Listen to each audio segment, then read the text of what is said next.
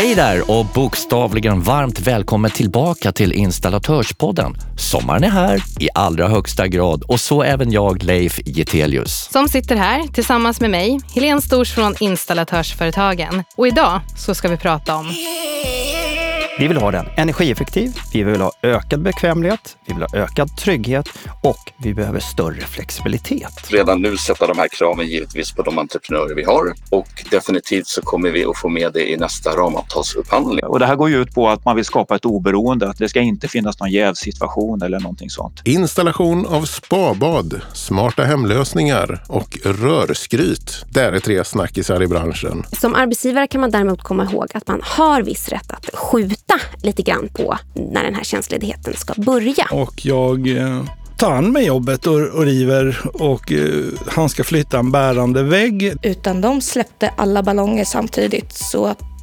allt vatten Ja, elektrifieringen i samhället pågår ju redan i, i väldigt snabb takt, vilket också ökar belastningen på elnätet. Och det får ju exempelvis effektbrist som följd. Och samtidigt så genomgår den svenska elproduktionen en stor förändring och går mer och mer mot förnybara alternativ. Ja, men nackdelen är att det går inte att reglera på samma sätt som den stora kraftverksproduktionen. Här kan det ju faktiskt variera rejält beroende på exempelvis väderförhållanden och tid på dygnet och annat. Och sen är ju vi konsumenter rätt ovana vid att behöva tänka på hur vi ska använda el på en flexibel elmarknad. Ja, precis. Och en viktig del i att möta de här utmaningarna är ju just digitaliseringen och att nyttja energin mer effektivt i våra bostäder. Men ett krux är att utvecklingen går ju alldeles för långsamt. Ja, men därför har vi också bjudit hit experter idag som ska guida oss framåt kring vad som behöver göras för att våra fastigheter ska bli en bidragande faktor i framtidens energisystem.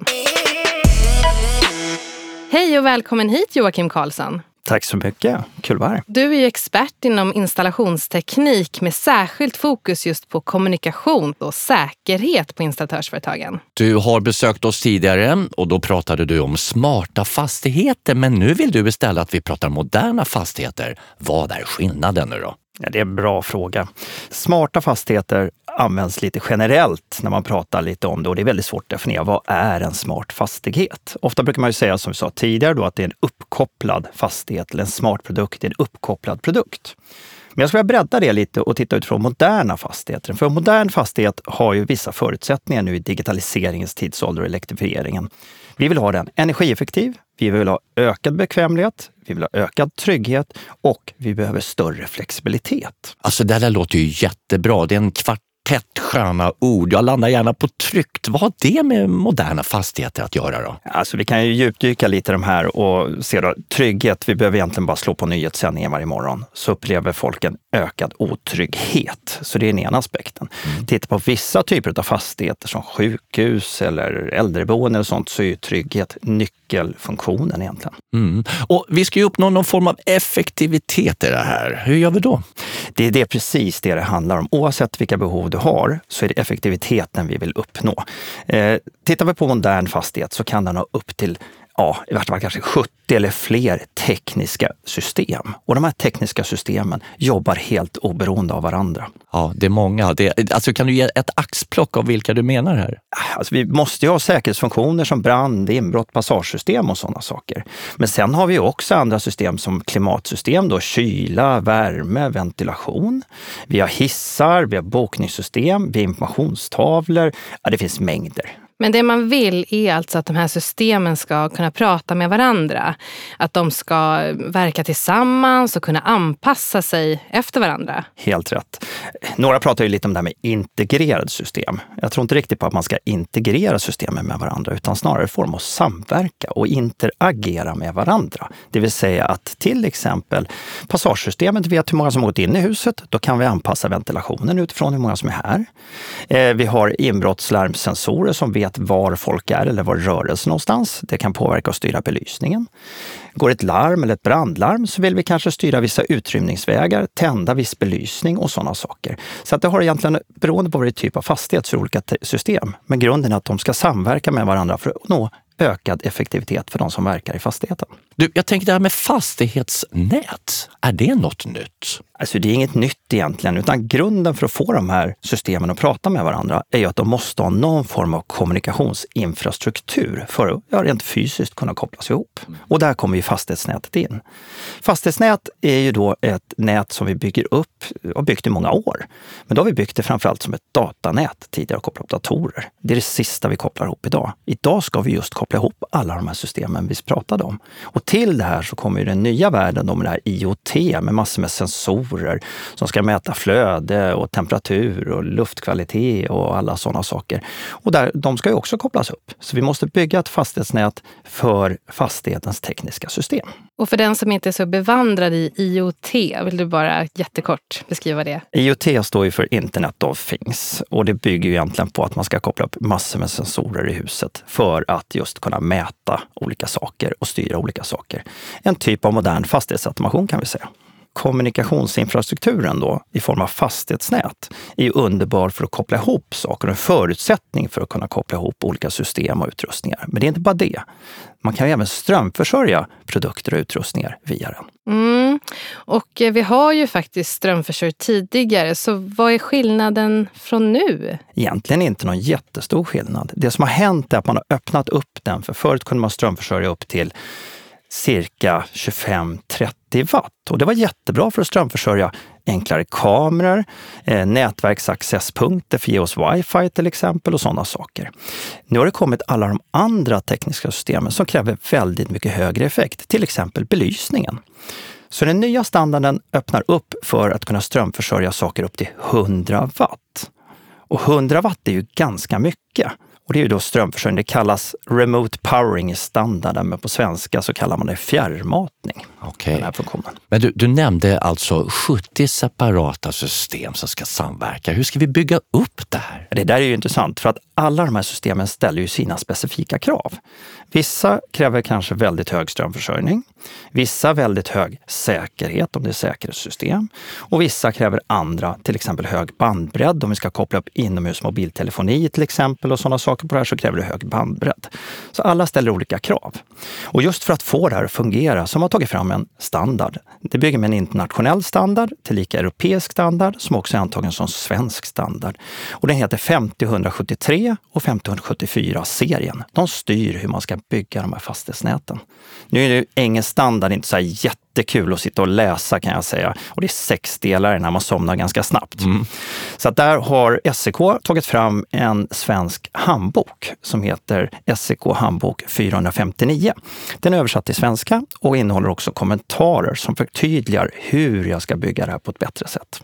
Som alltid så är det ju någon som faktiskt ska göra jobbet. Eh, och någon, den som gör jobbet behöver ju också ha en särskild kompetens. Hur ska man då säkerställa det? Det är jättebra att du frågar om det, därför att Standarden berättar hur produkterna ska se ut, hur de ska funka, hur jag ska projektera nätet och lite sådana saker. Men den berättar ingenting om vilken kompetens som krävs för att utföra det. Och det har varit en lucka ett bra tag. Nu har också SEK kommit fram med en så kallad teknisk rapport som heter TR16. Och den specificerar just kvalifikationskraven för de som ska utföra installation eller projektering eller besiktning utav sådana här fastighetsnät. Just för för att säkerställa att de kan uppfylla alla de krav som de här olika systemen har. Och en sak som vi lägga till där också, nämnde strömförsörjningen här och fjärrmatningen. Det är ju lite nytt att strömförsörja över en sån här tunn kabel upp till 100 watt. Det ställer sina krav. Och det kräver helt plötsligt ganska mycket både beräkning och dimensionering och sådana saker. Något man inte har gjort tidigare. Så att det är en tydlig förändring som ställer nya kompetenskrav.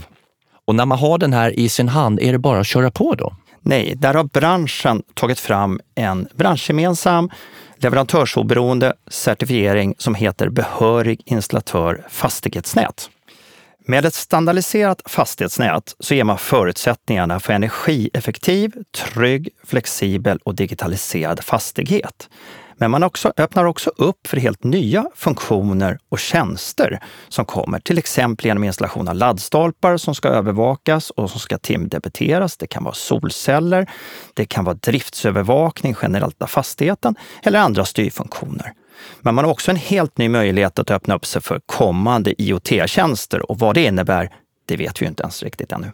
Ja, men vad är då nästa steg för att det här ska fungera hela vägen och, och bli den kvalitetsstämpel som, som man vill att det ska bli? Ja, för det första så måste man ju känna till att den här standarden finns och åberopa och nyttja och projektera och bygga anläggningen allt det. Men man måste då från beställarsidan givetvis kräva att en installatör är behörig installatör fastighetsnät. Först då säkerställer man ju kompetensen.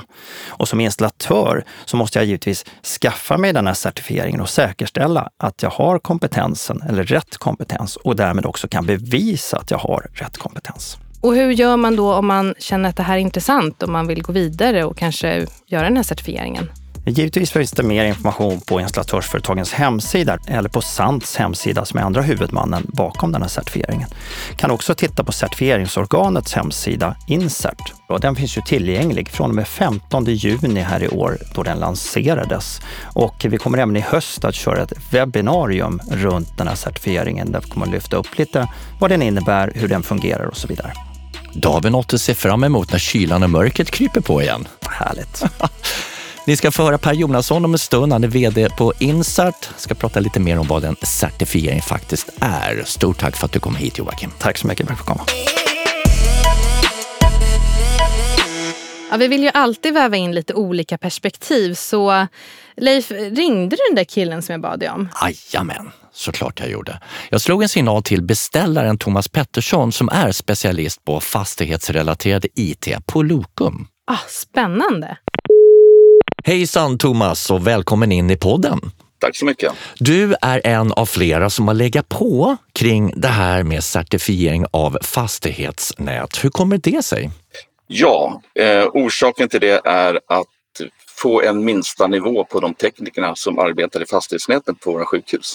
Hur har det mottagits av teknikerna? Än så länge har jag inte hört så jättemycket om jag ska vara riktigt ärlig. Men för oss som är beställare och då har avtal med, med eh, olika entreprenörer så är det ett stort steg. Ja, för det får mig att komma in på följdfrågan. Vad tror du att det här innebär för era affärer som företag framöver i och med detta?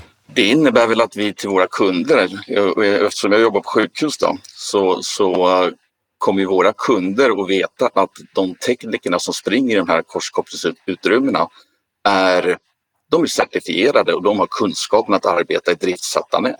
Och du var ju med på pilotcertifieringen av behörig installatör fastighetsnät. Hur fungerade det? Det fungerade väl egentligen att vi satt i grupp och tog fram olika förslag på hur, hur ska den här grunda sig? Vilken nivå ska vi lägga oss på? Vad är det som har varit eh, mest krångligt med att få fram en sån här modell? Det är att sätta nivån. Nivån får inte vara för låg, men vi kan heller inte ha alldeles för hög nivå för just den här certifieringen. Men det här är någonting som båda gott inför framtiden i alla fall. Det kan vi slå fast. Det kan vi definitivt slå fast och vi kommer redan nu sätta de här kraven givetvis på de entreprenörer vi har. Och definitivt så kommer vi att få med det i nästa ramavtalsupphandling som sker om drygt ett år. Och entreprenörerna är med på tåget också? Det kommer de att vara. Tack för att du var med och ha en trevlig sommar. Tack så mycket. Hela installationsbranschen lutar sig mot oberoende certifikat på olika vis. Där ett exempel är Säker Vatten som säkerställer kompetens inom VVS-området. Och för att reda ut det här med certifieringar så har vi bjudit in Per Jonasson som verkligen kan det här med certifiering. Hej på dig och välkommen! Hej, tack så mycket. Och Per, du har ju många år erfarenhet från installationsbranschen, både som företagsledare och som ansvarig för en branschorganisation. Men eh, idag så är du då vd för, för Insert som är ett branschägt tredjeparts certifieringsorgan av personer och företag inom installationsområdet. Och då vill vi börja rätt ände. Vad innebär en tredjepartscertifiering? Ja, men en tredjepartscertifiering det innebär att vi då, då, i det här fallet Insert, som en helt oberoende part hanterar eh, kompetenssäkring utav folk och företag, alltså personer och företag. Det vill säga att vi har ingen direkt koppling till de som får sina certifikat eller önskar få sina certifikat. Och det här går ju ut på att man vill skapa ett oberoende, att det ska inte finnas någon jävsituation eller någonting sånt. För att certifiera, det kan egentligen vem som helst göra. Jag skulle kunna certifiera min granne för att han har en fin gräsmatta. Och man kan, det finns ett antal sådana olika begrepp som inte vad ska man säga, är skyddade då. Det är certifiering, auktorisering, diplomering och lite sånt här. Eh, och just för att då visa på en kvalitet så brukar man då jobba med det som kallas för tredjepartscertifiering. Och, och, då sker det med någon, en oberoende part och i det här fallet är, är det vi. Då, då. Men eh, varför ska man certifiera sig då? I dagsläget så har det ju blivit mer och mer viktigt att på något vis att det är rätt personer som kommer och gör rätt saker. Alltså det här att det ska, det ska bli rätt från början eh, för, för eh, misstag och felaktigheter kostar tid och pengar både för beställaren och för den som utgör, eh, som, som gör jobbet.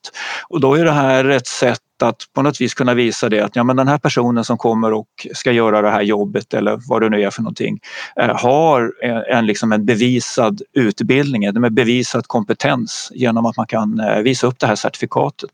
Så det är väl egentligen den största biten, att göra rätt från början och att som beställare känna sig trygg i att ja, men om jag nu väljer den här personen eller det här företaget, ja, men då har de genomgått en test där de har visat på att de har den kvalitetsnivå som ofta då en bransch på något vis har beslutat om. Och det är precis det som sker nu i Behör installatör fastighetsnät där ni då är en aktör som certifierar? Precis, det är helt rätt. Att man ska, man ska liksom kunna känna sig trygg i att när det kommer någon som ska in och jobba i ens fastighet med de här olika systemen så, så vet man att ja, men den här personen har i alla fall gjort det här certifieringsprovet, ett teoretiskt och ett praktiskt prov och visat sig ha den kompetensnivån som branschen liksom önskar eller kräver eller vad man nu ska använda för ord. Mm. Hur går det till?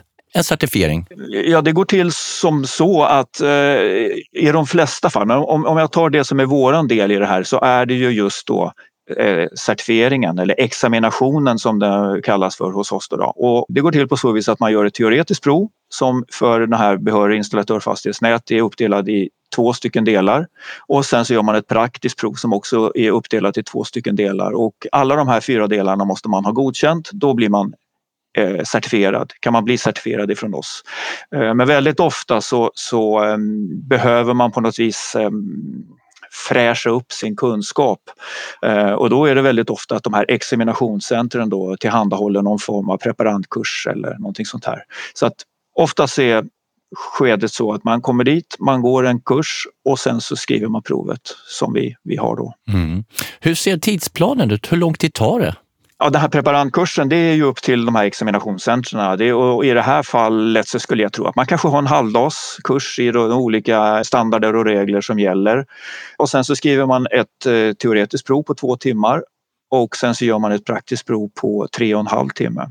Så det är ju en, det är en full dags jobb eh, och det är ganska eh, krävande om jag jämför med andra certifieringsområden så, så är de som har kört igenom det här de är rätt slaka när, när dagen är slut. Mm. Men eh, ja, så ska det väl vara. Mm. certifikatet man söker då, det, mm, det gäller i fem år.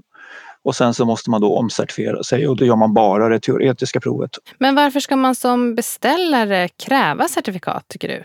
Ja, men det är ju ett komplement till annan typ av referenstagning skulle jag säga. Alltså när alla är ju bäst på allting om man ringer och frågar dem och då är det inte alltid så lätt att kunna välja vilket företag som man törs lita på, framförallt när det är i den här nya typen av installationer. Då. Och då är ju certifikatet det är ju en, en, ett sätt att visa på de som kommer och jobbar, deras kompetens. Att de har liksom bevisat att de har en kompetens på en nivå som branschen har, har bestämt. Så det är väl mycket det, att hjälpa till i urvalet. Sen behöver det ju inte bli rätt varje gång bara för man är certifierad men, men risken för att det inte ska bli rätt är långt mycket lägre än om det kommer någon random och eh, besöker den. Mm. Och det är det här vi ser i många andra branscher. Exakt just det här att kunna bevisa eller visa på att man har en kompetens. jag vet att det finns ju andra där man har lyckats väldigt väl med det här som Säker Vatten till exempel. Och där är det till och med kopplat till försäkringskrav och sådana här saker. Att, att om inte en person med Säker Vatten certifiering kommer att göra jobbet och det blir fel så gäller inte försäkringarna. Om det är någon som lyssnar och fortfarande kändes lite tveksam till det här, finns det några andra fördelar med att skaffa ett certifikat? Det är ju alltid den stora frågan för företagarna och personerna som, som gör det här. Att what's in it for me? Och, och det är alltid så att det på något vis så ska ju kostnaderna man får för certifikatet ska ju betalas i, i bättre och mer affärer. Eh, och det, det, det är ju dit jag tror att eh, installatörsföretagen och eh, samt kommer att nå med det här. Att kravkedjan, vad ska man säga, säkras då så att beställarna vill ha kompetent folk. Eh, de som är certifierade har bevisat att de har, att de har eh, kompetent personal hos sig och i och med det så, så vågar man göra affärer med varandra. Och det blir liksom en, en, en win-win utav det här. Mer affärer för installatörerna, bättre installationer för beställarna. Ja, nej men tack så jättemycket Per för att du kom hit till oss idag. Tack för att jag fick komma.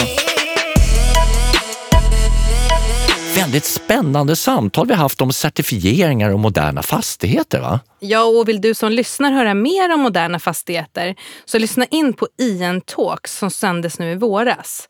Du hittar inspelningen på in.se. Ja, men vänta nu, vad är IN Talks? Jag är inte alls insatt och inte många andra heller får jag för mig. Ja, ja men såklart. Ja, men det, är, det är ett forum i eh, webbinarieform där, där installatörsföretagen bjuder in till diskussioner om branschfrågor. Och I våras så handlade det då exempelvis om en smart fastighet i ett flexibelt energisystem. Och eh, vårt senaste IN Talks det livesänder vi direkt från Almedalsveckan och nu efter sommaren så kör vi ett IN Talks valspecial. Bra, ytterligare något att se fram emot. Se till att du inte missar detta nu. Nu ska vi ta och lämna över mikrofonen till chefredaktör Fredrik Karlsson. Varför då? Jo, det är dags för de tre snabba från tidningarna Elinstallatören och VVS Forum. Nummer ett. Sommaren är här och plötsligt kommer folk på att man vill ha spabad. Man ringer sin lokala elektriker. Men det finns en del svårigheter och det gäller att göra rätt. Vi på Elinstallatören har rätt ut vad som gäller, så läs gärna där. Nummer två. Smarta hemsystem blir allt vanligare och Plaid har ju kommit som en utmanare med sin enkelhet. Men KNX förordas av många elektriker. Det här är någonting som det snackas mycket om och som det kommer att fortsätta snackas om. Nummer tre. Snygga rördragningar snackar VVS-montörer mycket om. Vi på VVS Forum har startat Facebookgruppen Rörskryt som har blivit en succé. Har du gjort eller sett en snygg rördragning? Posta gärna där du också. Och framförallt, ha en riktigt skön sommar. Och nu är det då dags för medlemsfrågan. Något som är högaktuellt i en tid då vi har krig i Europa är exempelvis att genomföra en militärtjänstgöring. Välkommen hit till Installatörspodden Evelina Kassberg. Hej! Tack, hej! Arbetsrättsjurist på Installatörsföretagen. Och så här lyder då frågan. Vi har en elektriker hos oss som ansökt om tjänstledighet för att genomföra hemvärnsutbildningen. Hur fungerar det? Jo, men I Sverige så finns det eh, flera olika möjligheter till att vara tjänstledig. Till exempel för att studera eller för att starta eget. När du som arbetsgivare får in en ansökan om tjänstledighet så behöver du navigera mellan de här olika tjänstledighetsformerna och de olika lagarna som finns. För det finns nämligen lite olika regler. Den här frågan gäller ju en, en elektriker som ansökt om tjänstledighet för att genomföra hemvärnsutbildningen. Och en arbetstagare som vill göra det eller genomföra kanske den militära grundutbildningen har rätt att vara tjänstledig enligt studieledighetslagen.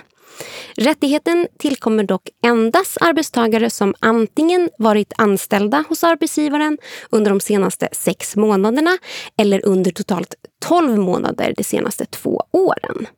Så länge elektrikern har varit anställd tillräckligt länge så har han alltså han eller hon rätt att vara ledig ehm, för att göra, genomföra hemvärnsutbildningen.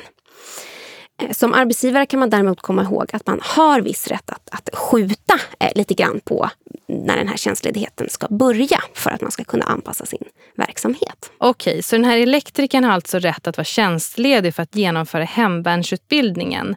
Men om eh, personen sen då blir inkallad att tjänstgöra, vad gäller då? Ja, men då gäller en annan lag, nämligen lagen om totalförsvarsplikt. Och enligt den här lagen så har elektrikern rätt att tjänst, vara tjänstledig vid inkallning. Man kan komma ihåg att som en, en färdigutbildad hemvärnssoldat ingår vanligtvis ett tjänstgöringsavtal som innebär att personen deltar i övningar 4 till 13 dagar per år och vid så kallade skarpa insatser. En arbetstagare som kallas in ska så snart som möjligt informera sin arbetsgivare om det när tjänstgöringen börjar och hur länge den ska pågå. Och ska dessutom i god tid meddela sin arbetsgivare när man kommer tillbaka i arbetet. Om tjänstgöringen pågår i längre än tre månader är arbetsgivaren inte skyldig att låta arbetstagaren komma tillbaka i arbete direkt utan då kan man få skjuta på återinträdet i två veckor. Men det är om tjänstgöringen är längre än tre månader. Är det någonting mer som man ska tänka på som arbetsgivare när de här situationerna dyker upp? Jo, men någonting som är viktigt att komma ihåg är att såväl rätten till att vara ledig för studier men också för att eh, tjänstgöra inom totalförsvaret, det utformas som ett anställningsskydd. Det innebär att man inte kan säga upp den här arbetstagaren på grund av studierna eller tjänstgöringen. Inte heller får man försämra försämra arbetstagarens förmåner på grund av det. Som arbetsgivare behöver du däremot såklart inte betala lön eller utge förmånerna under tiden som arbetstagaren är tjänstledig. Mer klart och tydligt än så kan det inte bli, tycker jag. Tack för att du kom hit, Evelina. Tack så jättemycket. Oj, vad hände där? Det är programpunkten då vi bjuder in några installatörer som får berätta om något som har hänt under sina karriärer som inte gick ja, så där som önskat så att säga. Och med oss i studion nu har vi Mats Birat, elektriker på Hyr en timme. Hej och välkommen! Ja, men tack så mycket. Ja, vad var det då som inte klaffade riktigt för din del när det begav sig då? För några år sedan så gjorde jag en köksrenovering. Jag brukar inte göra det för jag gör ju bara småjobb, alltså som ryms inom en timme. Men den här kunden var ganska påstridig och rätt skön lirare liksom. Eh, och jag eh, tar han med jobbet och, och river och eh, han ska flytta en bärande vägg. Den ska växlas av och i den här bärande väggen så finns det massa el som ska flyttas. Eh, och den matar ju andra delar av det här rummet som han vill ha igång. Och det slutar ju med då att jag ska klamra kabel fram till första uttaget och mata det den vägen. Eh, och så ska jag bara genom en vägg och jag tycker det är liksom lite dumt i och med att den ska ändå växlas av. Problemet blir ju att bakom den här väggen så finns det ett vattenrör. Och det var väl någon hård knagge eller någonting som gjorde att jag fick ta i lite. Och det, helt plötsligt så bara sprutade vatten över hela golvet. Nej, nej, nej. Eh, och eh, han var rätt snabb faktiskt ner och stänga av vattnet. Det var ett jättelitet hål i, i det här kopparröret. Hur agerar man där och då, pang, när det, det sker? är skitjobbigt. Jag har hållit på sedan 88 och aldrig gjort sån här fel. Är fel och fel, det är ju en olyckshändelse liksom. Men eh, jag fick ta dit Svanströms el och VVS på jour. Det kostade mig 8000 spänn. Ja, men, ja, ja, och så är det ju. Men där och då innan, innan han rullar in, då sprutar ju vatten. Gav du en känga i väggen? Eller vad gjorde du för något? Nej, men för att kunna täppa det här hålet så fort som möjligt så, så sparkar jag sönder väggen och eh, sätter dit tummen. Du kickade väggen, du gjorde det i alla fall? Ja, den skulle ändå rivas eh, för den skulle växlas av så att det var ingen skada skedd så liksom. Ja, Okej, okay. så att, tänk först, borra sen. Är det ett bra tips kanske? Ja. Du Mats, tack för att du tittade in. Ja, kul att få vara här. Och då går vi raskt över till Jennifer Larsson, VVS-montör på Värme och sanitet i Västmanland. Eh, jag var på ett större projekt söder om Stockholm. Då var slutetappen, nybygge, ett stort nybygge. Och så i slutet skulle de provtrycka taket. Taket var så stort som en ishockeyring, eller vad man säger. Och även höjdmässigt väldigt likt. Som de fyllde upp helt och hållet med vatten. Men provtryck, deras provtryckning såg ju jättefin ut. Så det var inga konstigheter. Så de skulle ju ta bort allting därifrån. Det var bara det att de... Eh, när man provtrycker ett tak så sätter man ballonger i eh, stuprören för att vattnet ska hållas kvar. Det var bara det att de simulerade inte regnet utan de släppte alla ballonger samtidigt så att allt vatten från taket, så en hel ishockeyring med vatten, släppte de rakt ner i dagvattensystemet samtidigt. Och eh, vi rörmokare hade inte hunnit satt bojer på dagvattnet så ni kan ju tänka er vad som hände nere i källan. Avloppssystemet det flög ju isär i varenda böj där det inte satt en boj. Och det var ju bara att öppna dörrarna och låta vattnet rinna ut. Forsa ut via dörren. Så det var bara att öppna. Alltså det är ju crescendo utan dess like. Hur lång tid tar det att sanera sånt där? Vi stod och pumpade vatten i över ett dygn med stora pumpar. Och bara för att tömma lokalen. Bara rakt ut, bara pumpa, pumpa vatten. Men du, en sakfråga. De här ballongerna, är det sådana man köper på en leksaksaffär? Eller? Nej, det är lite hårdare.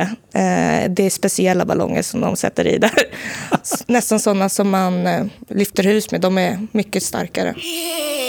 Ja, eh, ballonger är inte alltid så kul. Det hörde vi inte minst här när Jennifer berättade om vad som hade hänt i den där hockeyhallen. Ja, allt har ett slut, så även Installatörspodden. Ja, nu får vi knyta ihop säcken här och njuta av sommaren. Ja, så det står härliga till. Men sen är vi tillbaka igen när mörkret har gjort comeback. Nej men Leif, det där var väl inte så kul? Nej, nu fokuserar vi på det ljusa och roliga och härliga sommaren. Ja, det är väl klart vi gör. Ha en magisk sån allihopa så hörs vi snart igen. Hej då! Hej då!